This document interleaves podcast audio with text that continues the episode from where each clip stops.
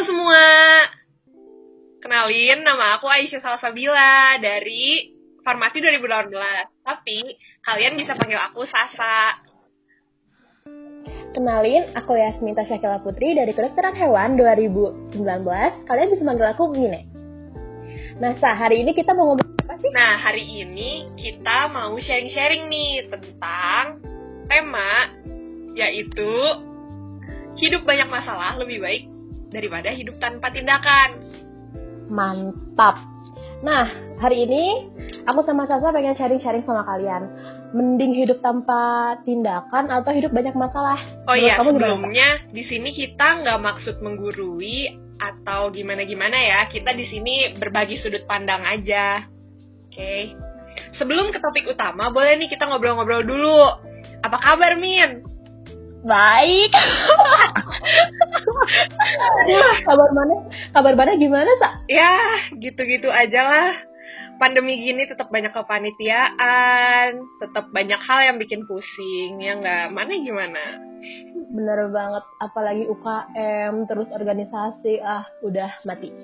Rasanya kayak biasa-biasa aja sih sebenarnya ya, karena diem di rumah. Tapi sebenarnya workload-nya tuh banyak gitu. Ya nggak sih? Terus apa sih kan kita tuh nggak ketemu anggotanya secara langsung gitu kayak anjir aing teh kayak ngobrol sama laptop aja. Jadi kayak what? Gak dapet itu loh, nggak dapet relasi atau nggak dapet komunikasi secara langsung. Jadi kayak agak gugup juga nggak sih kalau kita ketemu mereka secara langsung kayak gitu. Iya, dan bahkan ya guys, kita belum pernah ketemu ya nggak sih? Iya kita belum pernah ketemu. Ini udah kepanitiaan udah berapa bulan bisa? Udah kayak, aduh coba daftar Prabu tuh bulan apa ya?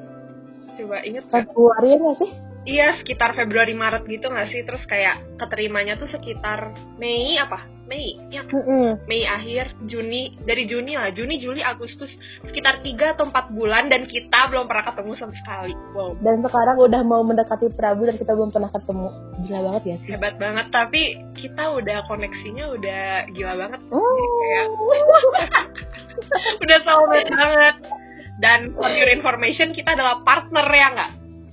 Partner dan kita adalah wibu. Ya, dan kita adalah Wibu. Jadi buat kalian pramuda yang mungkin mendengar podcast ini, Siap-siap aja Iya. kita racunin. ya kita racunin. Kalian yang tadinya nggak suka Jepang di Jepangan, sama kita mah ah, udah. Dicengkokin sama Sasa. Iya, sama Mine. Mine lebih lebih jago lagi. Ngomong-ngomong, Oh. Ngamin, Ya. eh, selama pandemi ini kamu pernah ada masalah nggak sih sama apa pun lah? Ada stres, sumpah gue stres banget gara-gara pelajaran. Terus kan aku tuh pelajaran itu harus kayak langsung gitu loh visual. Iya, Dan itu secara online kayak kurang nangkep aja. Tau gak dosen nerangin tuh gue malah rebahan. Serius. Dan itu anjir nilai aing anjlok banget semester 3. Eh semester 2. ya iya. Mana gimana kak? Praktikum ya, ya kan? Praktikum Mm. kamu ngapain sih biasanya? kan harusnya ke lab, kita tuh harusnya kayak langsung nyentuh-nyentuh hewan gitu loh, Iya. kita nyuntik, terus kita apa sih kayak farmasi juga gitu kan, kita ke lab langsung ngeracik-racik, ini Iya. enggak, kayak virtual gitu, jadi kayak ya Allah, apa sih yang dapatnya di online ini gak ada, Makin pusing gitu nggak sih kayak mending lah praktikum tuh ngelakuin langsung pusingnya Iya. langsung gitu. Kayak ini cuma dikasih data doang gitu. Kalau aku tuh terus bikin laporan lagi kan kita, laporan apa gitu, praktikum aja enggak ya nggak sih. farmasi gimana tuh Sak? Stepnya? Farmasi juga sama sih, cuma kayak kan kita ada praktikum yang harusnya kita tuh bikin sediaan. Sediaan tuh kayak istilahnya kita bikin obat Mhm. gitu. Ya walaupun bahannya juga emang agak meragukan sih kan ya emang nggak bisa kita minum dan kita pakai. Iya. Aing mah nggak bisa percaya sama obat bikinan Aing sendiri. gimana pasien? Harusnya tuh kita kayak nyobain sendiri pakai alat sendiri, kayak bikin lipstick gitu. Waktu itu kita pernah. Terus sekarang kita bener-bener cuma data aja gitu kayak kita menganalisis angka-angka doang, nggak rame banget gak sih dan pusing gitu. Kan harus juga kayak ngeracik secara langsung gitu nggak sih, nimbang langsung, ini kan gak ada, gak ada apa ya, gak ada ilmunya gitu loh. Iya emang kalau FKH gimana? Maksudnya kan maksudnya digantinya gimana gitu? Kalian kan harus megang virtual dong harusnya kan kita tuh megang kadaver hewan kan yang kayak di anatomi itu kayak dibuka slice per slice dari si anatomi hewan itu kan dari daging sampai kulitnya sampai ke jeruannya. Ini enggak jadi kayak kita ngeliatin dosen ngejelasin terus tanpa kita pegang secara langsung si uh, si badan hewan ini loh. Jadi kayak aing tuh megang apaan sih? Ini apaan sih? Ini gak jelas gitu loh. Kalian hewannya biasanya apa sih btw ada yang Apa ya? ambil dari sekitaran rumah gitu gak sih? nggak ada. Kita langsung pakai apa sih hewan kayak kambing yang udah diawetin terus udah di slice slice jadi kita buka satu-satu si kadaver. Dan itu bau formalinnya sumpah. Mana ya kalau ngelewatin cairan kadaver itu? Kayak bekas mayat kan baru dipindahin tuh dari ambulan misalnya. Hmm. itu tuh bekasnya tuh langsung bikin maneh nangis. Kayak kan formalinnya tuh kayak berapa persen alkohol gitu loh. Iya iya. Bau bang. Gak perih banget baunya bau alkohol cuman perihnya nauzubillah makanya kata dosennya tuh kalau pas apa sih pas praktikum mending pakai Google Glass saya sekalian daripada kalian nggak bisa fokus ngisi si lembar kerjanya Bikin mual gitu. wangi sih kata Aing mah alkohol kayak Iya. aseton tuh nggak aseton Iya iya tahu tahu. Emang wangi tuh aseton ya. kayak gitu cuman si apa sih si alkoholnya nyengat banget sampai ke mata tuh nusuk banget loh kayak kayak nangis kayak nangisnya gimana Oh jadi perih banget. mata perih gitu ya? iya perih banget kalau di farmasi ada nggak kayak gitu gitu sa atau apa tikus kek kodok kek Tikus sih kita. Tikus sama mencit. Tikus sama mencit.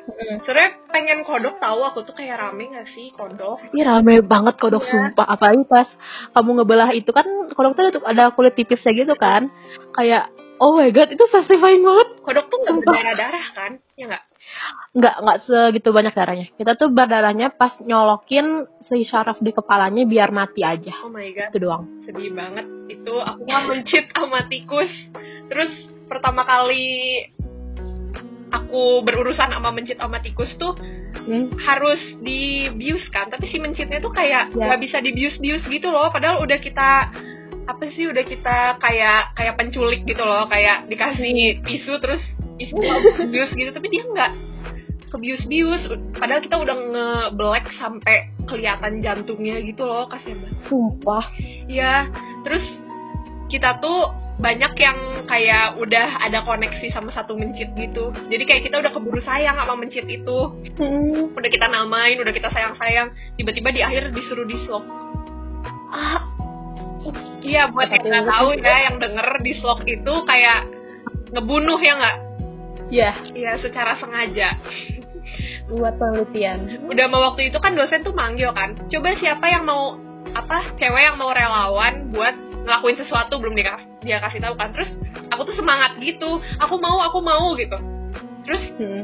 ternyata disuruh ngedislok kayak itu tuh pertama kali banget kan. Terus aku kayak ah nggak mau. Terus mencit aku namanya Soleh kan. Terus nggak mau bunuh Soleh. Terus akhirnya akhirnya pakai bolpen ditahan gitu kan di lehernya. Hmm. terus aku tarik terus aku langsung nangis abis itu. Sedih banget woy oh trauma nggak sa nggak trauma sih cuma kayak sedih banget kayak ngebunuh sahabat. Membunuh teman sedih eh, sedih banget. Ya Allah. Kayak gitu ya. Terus kayaknya ada nih kalau kita ceritain fun fact di kantin kita. Gimana? kantin kantin. Hmm. Kan bener. kantin FKH gimana dulu nih bentar Kan kita tuh FKH tuh kan gabung sama kedokteran tuh kan. Mm-mm. Kayak banyak gitu loh jajanannya. Terus yang kayak most favoritnya tuh tau nggak es krim buahnya FK? aku belum pernah ke kantin FK sih tapi nanti deh ya masukin ke list Itu sepuluh ribu banyak banget es krimnya terus buah-buahannya banyak banget itu kayak sehat tapi sekaligus tambah berat badan gitu loh Banyak banget. pengen deh aduh pengen banget pasti panas-panas di Nangor enak tuh makan. Iya enak banget. Kalau makanan beratnya gimana Min kayak nasi gitu gitu makanan. Di sana tuh yang favoritnya tuh ada nasi kari. Kamu tau gak sih nasi kari cuma sepuluh ribu kamu udah dapat ayam terus sama nasi terus nasi soto juga cuma sepuluh eh dua belas ribu orang ya? Murah banget ribu. Ya murah banget. Pengen. terus ada yang paling favorit tuh batagor sama cuankinya FK itu seger banget dimakan panas-panas habis lab kan langsung pakai itu hmm, Aduh, kangen makan makanan gak sehat, sumpah. kangen makan makanan kantin. kalau di farmasi gimana tuh Kak? Kalau di farmasi, sejujurnya ya, Ya. ini mah diperhalus aja ya. Kantin farmasi tuh kayaknya kantin yang hmm, apa ya agak kurang ya di lingkungan Unpad. Kayak Padahal kesehatan loh kita. Kenapa? Padahal kita kesehatan loh. Iya, kita kesehatan tapi kita makannya gak sehat gitu. Kalau misalnya kalian ngelewatin bundaran gitu ya, bundaran yang di atas Hmm. dekat farmasi, tiap naik odong itu tuh pasti kelihatan kontainer kan di farmasi. Iya ya. Ya, nah itu tuh kantin kita cuma kontainer itu. Sumpah. Iya, dan maksudnya kayak nasinya tuh mahal-mahal gitu loh. Eh, maaf ya bu kantin. ya mahal dan kita kebanyakan sukanya beli danusan aja sih. Soalnya emang banyak banget yang danus gitu, kayak mulai dari apoteker S1 gitu. Ada yang Oh. ada yang apa, pokoknya kreatif gitu danusnya. Cuma kan nggak jadi makan berat ya. Kita lebih pilih beli makan berat di di luar aja sih sekalian kita istirahat beli SPG gitu atau enggak kita ke kantin fakultas lain sering banget tuh kita ke Fapsi makanya kita Iya, punya goal buat mengelilingi semua kantin fakultas di Unpad jadi nanti Anjay. kantin FK ya Ayo main ke FK.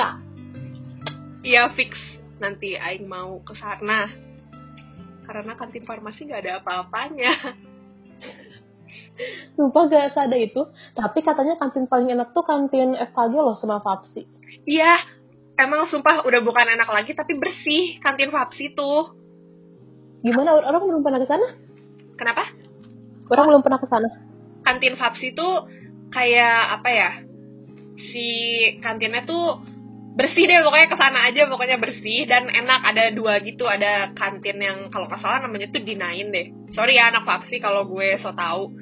Sama ada satu lagi yang sebelahnya yang kayak ada apa sih dari si dindingnya tuh dari rotan kayu gitu deh susah Hmm. ngejelasinnya.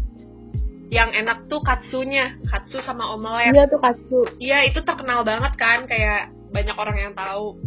Terus emang enak sih, worth it gitu. Cobain aja deh pokoknya. Kalau misalnya dijelasin di sini tuh agak susah gitu, harus mencoba rasanya sendiri gitu. Harus nungguin corona dulu nih baru bisa masuk. Ya makanya tiap istirahat aku sering ke sana. FKG tuh nasi hainannya ya, ya nggak sih? Iya, nasi Hainan, nasi Hainan. Pernah nyobain? Belum, padahal tetangga aku. Iya ya, tetangga banget gak sih kayak sebelahan banget. Aku tuh malah sukanya ngejelajahin kantin soshum. Karena apa? Karena ada seblak. Tahu nggak sih di rumah kesehatan tuh kayak gak ada micin-micinan gitu loh. Iya ya, dipikir-pikir kayak maksudnya makanan berat, gorengan. Iya.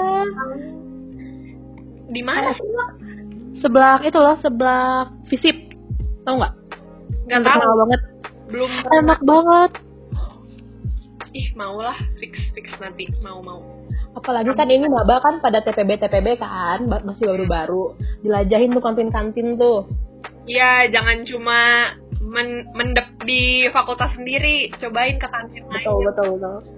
kan kalau di fakultas sendiri biasanya rada canggung soalnya masih ospek kan segala macem ya udah giliran giliran lagi kosong ke kantin lain aja Betul banget.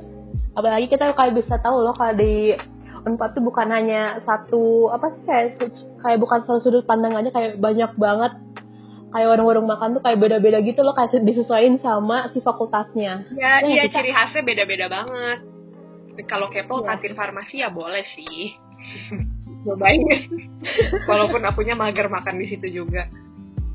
Ada kantin asrama juga enak-enak sih. Oh iya, iya, bener tapi harganya itu loh. Gila banget, mahal banget. Eh kecuali iya balai balai satu balai satu itu enak. murah banget Iya. coy. cuma jalan ke sananya rada mager gitu Kalau kalian Iya. harusnya ada, Ada sih tapi kan sih? kayak farmasi ke balai satu tuh agak deket banget ya cuma tetap aja panas-panas mager jalan gitu maaf ya guys aku tuh cupu balai 11 balai 11 tuh asrama farmasi itu juga lumayan sih Mm-mm. ya ya nggak sih tapi mahal ya mahal Balai satu sih kalau kalian lagi apa sih akhir bulan gitu pengen makan enak terus murah balai satu jawabannya terus ada itu nggak sih kantin Saridona tau nggak ih nggak tahu oh tahu tahu tahu tahu yang bebas ngasih uang gitu kan Iya, yang bebas ngasih uang itu. Tuh, kalian kalau misalnya lagi totos juga boleh ke sana. Tapi belum pernah sih. Lokasinya di mana tau nggak?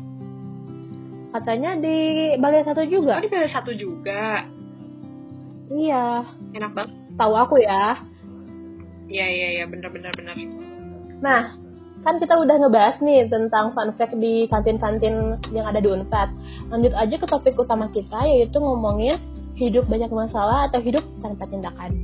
Nah, menurut sudut pandang kamu, Sa, gimana sih yang lebih baiknya? Kalau aku sih mikir ya, hidup banyak masalah tuh pasti semua orang ada masalah gitu, sekecil apa pun.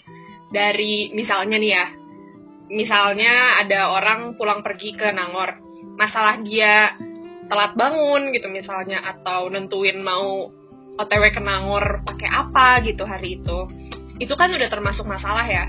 Jadi aku mikirnya yeah. lebih kayak topik ini tuh lebih ke ngambil resiko gitu loh. Kayak kita bisa aja jadi orang yang gak ngapa-ngapain atau kita bisa jadi orang yang membuat sebuah perubahan gitu dari suatu masalah yang ada di lingkungan kita gitu. Gitu menurut aku. Ya kalau dari aku sendiri sih aku milih ya emang bener hidup banyak masalah itu lebih baik daripada hidup tanpa tindakan. Kayak karena dengan kita semakin memperluas apa ya kayak lingkungan kita dan kita semakin ikut kayak misalnya organisasi apa segala macam kan kita pasti akan menghadapi banyak masalah gitu. Betul. Kayak kita bakal dihadapin sama situasi-situasi yang mengharuskan kita untuk mikir tentang solusi dari situasi tersebut. Jadi menurut aku masalah-masalah tuh bisa apa ya kayak mengasah otak kita untuk berpikir kritis atau mencari solusi yang terbaik gitu. Kalau menurut aku sih gitu. Kalau menurut kamu gimana Min?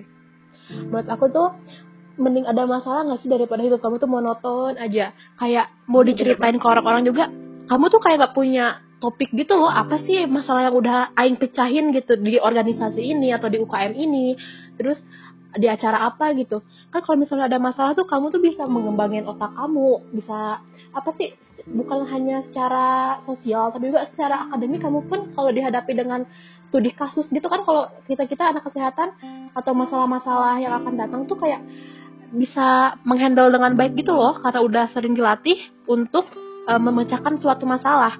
Nah, jika hidup kamu tanpa tindakan itu kayak buat apa kamu hidup gak sih?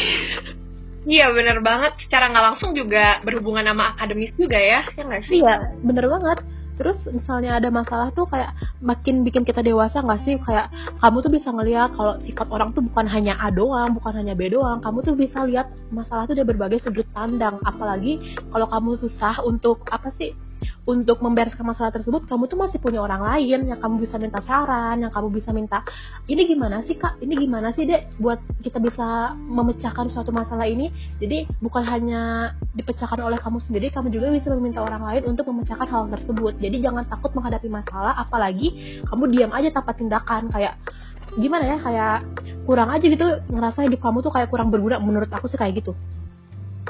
Iya bener banget. Dan uh, aku mau nge-highlight yang bagian sifat orang tuh nggak cuma A doang. Bener banget, apalagi selama kuliah ini, aku tuh makin ngerasa kalau misalnya orang tuh emang bener-bener banyak banget datang dari banyak background dan apa ya masa lalu mereka tuh emang membuat kita menjadi pribadi yang berbeda-beda gitu dan bener banget ya masalah itu tuh salah satunya cara untuk menghadapi orang yang seperti ini orang yang seperti itu hmm. gitu setuju banget sama Sasa.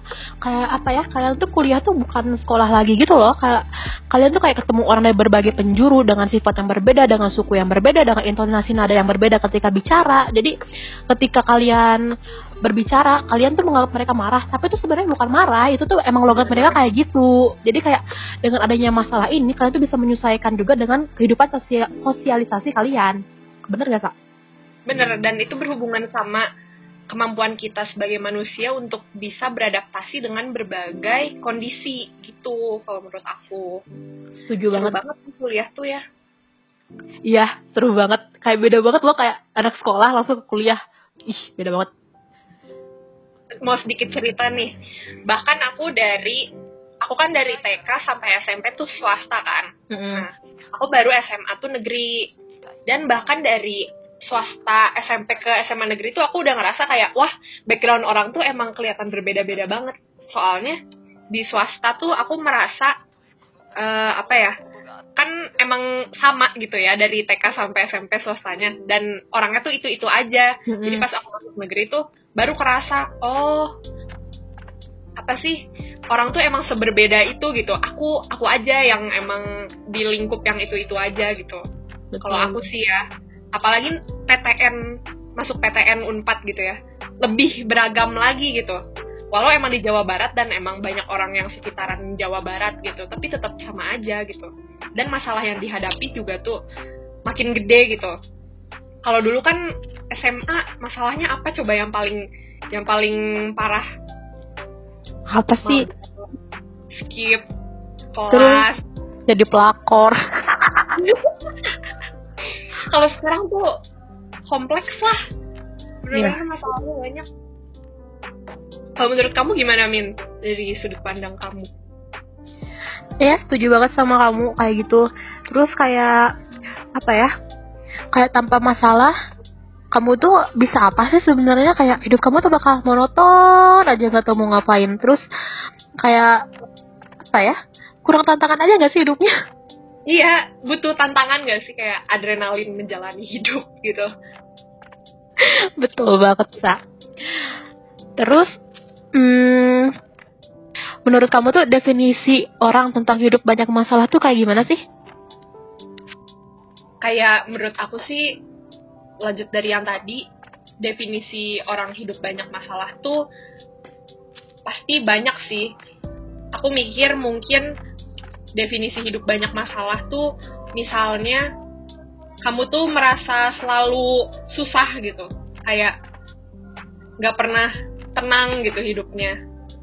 Ada pasti yang definisinya kayak gitu. Tapi sebenarnya nggak kayak gitu karena balik lagi yang tadi aku bilang di awal masalah tuh dari yang terkecil terkecil tuh ada gitu. Jadi hidup banyak masalah tuh ya semua orang juga pasti banyak masalah gitu tergantung se seberapa besar masalahnya. Bisa aja ada satu masalah yang bener-bener gede dan dia bikin dia merasa fokus dia tuh cuma di situ doang gitu. Jadi dia hmm. ngerasa hidup dia tuh masalahnya berat banget gitu. Itu deh pasti semua orang nggak akan terlepas dari masalah kalau menurut aku. Kalau menurut kamu gimana min? Iya setuju. Kayak orang-orang tuh kan gak akan berfokus di satu masalah dengan porosnya gitu loh. Kayak masalah tuh bukan hanya di satu masalah aja gak sih? Kayak masih banyak yang menjadi aspek-aspek dari masalah tersebut. Tapi menurut aku masalah tersebut itu bikin kita mendewasakan diri lagi menjadi lebih baik. Bener banget Terus menurut aku tuh untuk men, untuk menghadapi masalah yang yang ada di kehidupan ini kayak jalanin aja. Ini sumpah worth it banget kata aku. Tolong jalanin aja, walaupun itu setengah hati ataupun apa sih sepenuh hati kalian, nggak apa-apa jalanin aja. Uh, terus lakuin itu semampu kalian. Kalau kalian gak kuat lagi, tolong minta tolong sama orang lain karena kalian tuh gak sendiri. Kalian tuh kayak masih punya temen, masih punya orang tua, masih punya sahabat yang insya Allah masih mengerti sama kalian. Tapi misalnya kalian apa sih misalnya kalian gak gak pede sama mereka, kalian boleh minta tolong kok. Misalnya kayak sama Alodok. Terus kan kalau di hima-hima universitas tuh kayak punya itu gak sih, Sa? Kayak punya kesejahteraan sosial gitu gak sih? Iya, kayak APM-nya gitu deh. Iya, iya kayak gitu-gitu tuh kalian bisa minta tolong. Kalian tuh bisa curhat-curhat sama mereka. Nanti mereka tuh bakal kasih solusi terbaik untuk kalian.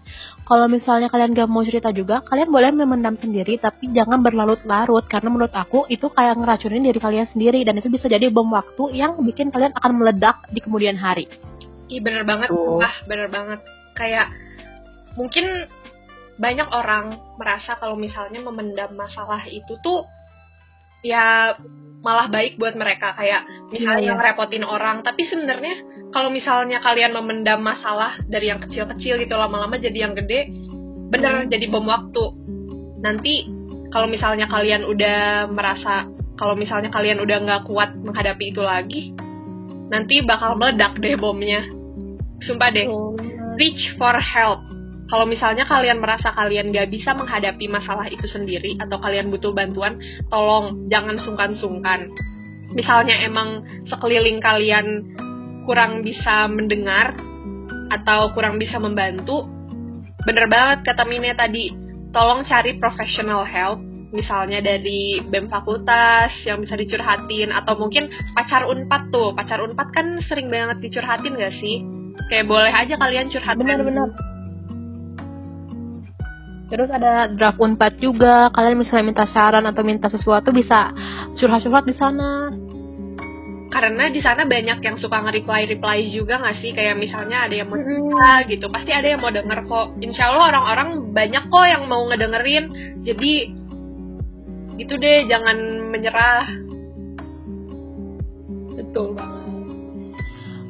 Terus katanya tuh misalnya hidup tanpa tindakan tuh akan 100% terbebas dari masalah. Emang kayak gitu? Hmm, kalau menurut aku sih enggak ya. Kayak yang aku bilang tadi sih, semua orang tuh bener-bener gak akan bisa gitu terlepas dari masalah. Misalnya hidup tanpa tindakan ya, dia pasti akan tetap menghadapi masalah walaupun kecil-kecil gitu. Kayak kan tanpa tindakan juga kita tetap kuliah gitu misalnya. Masalah kuliah hmm. apa? Misalnya kita dapat tugas yang susah gitu atau tugas kelompok yang mengharuskan kita berinteraksi sama orang yang kita nggak terlalu suka gitu. Itu kan tetap masalah.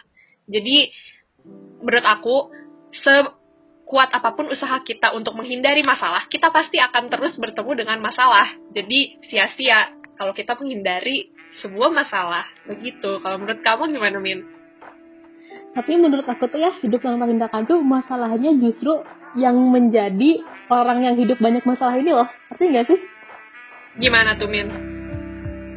Masalah mereka tuh kayak mereka tuh ngelihat orang-orang yang bermasalah. Masalah mereka tuh itu, mereka tuh kayak pengen kayak orang-orang bermasalah yang kayak punya relasi, terus kayak nantang terus dirinya. Mereka tuh nggak bisa. Iya bener juga sih, ada beberapa yang kayak gitu ya. Iya bener banget. Jadi balik lagi boleh kalian cari masalah tapi sebatas kemampuan kalian aja. Misalnya kalian gak, mampu jangan dipaksain karena sesuatu yang dipaksakan itu nggak baik maksud kita di masalah tuh bukan berarti kita kayak cari masalah sama orang ngajak berantem iya. gitu ya. Maksud saya masalah tanda kutip yang membuat kita berkembang gitu. Betul betul sekali. Ya bukan ngajak adu jotos juga gitu sama orang tiba-tiba cari masalah.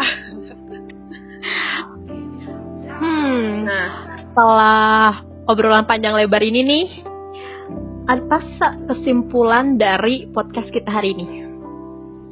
Nah, intinya sih ya, semua orang tuh nggak akan terlepas dari masalah, ya nggak, Min? Betul banget. Pasti di mana-mana akan ada ketemu masalah. Nah, tapi masalah masalah yang kita hadapi itu bisa aja merupakan suatu cara untuk kita berkembang dan mendewasakan diri gitu. Jadi jangan takut ketemu masalah. Iya, benar banget setuju banget sama Sasa. Apalagi masalah tuh guys bukan hanya apa sih kayak nambah-nambahin pikiran kalian, tapi juga malah ngenambahin skill kalian gitu loh. Kayak kalian yang asalnya masalahnya kalian tuh nggak bisa public speaking. Dengan kalian menghadapi masalah tersebut, kalian jadi bisa public speaking.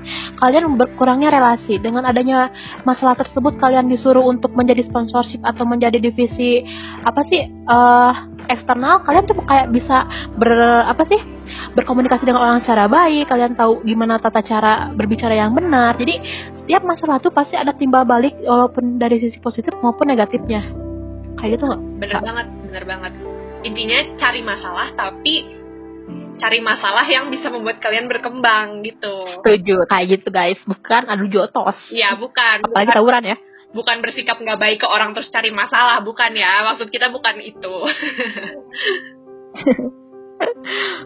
karena kita udah ngabisin lumayan banyak waktu nih Sa. Hmm. Terima kasih kepada para maba dan teman-teman semua yang telah mendengarkan podcast dari kami. Aku Yasminta Syakila Putri dari Kedokteran Hewan pamit undur diri. Dan rekan aku, Aku Aisyah Salsabila atau kalian panggil Sasa dari Farmasi 18. Izin mengundurkan juga. Sampai berjumpa di podcast kami berikutnya. Dadah. Dadah. Anjay. Lucu banget. Seru banget.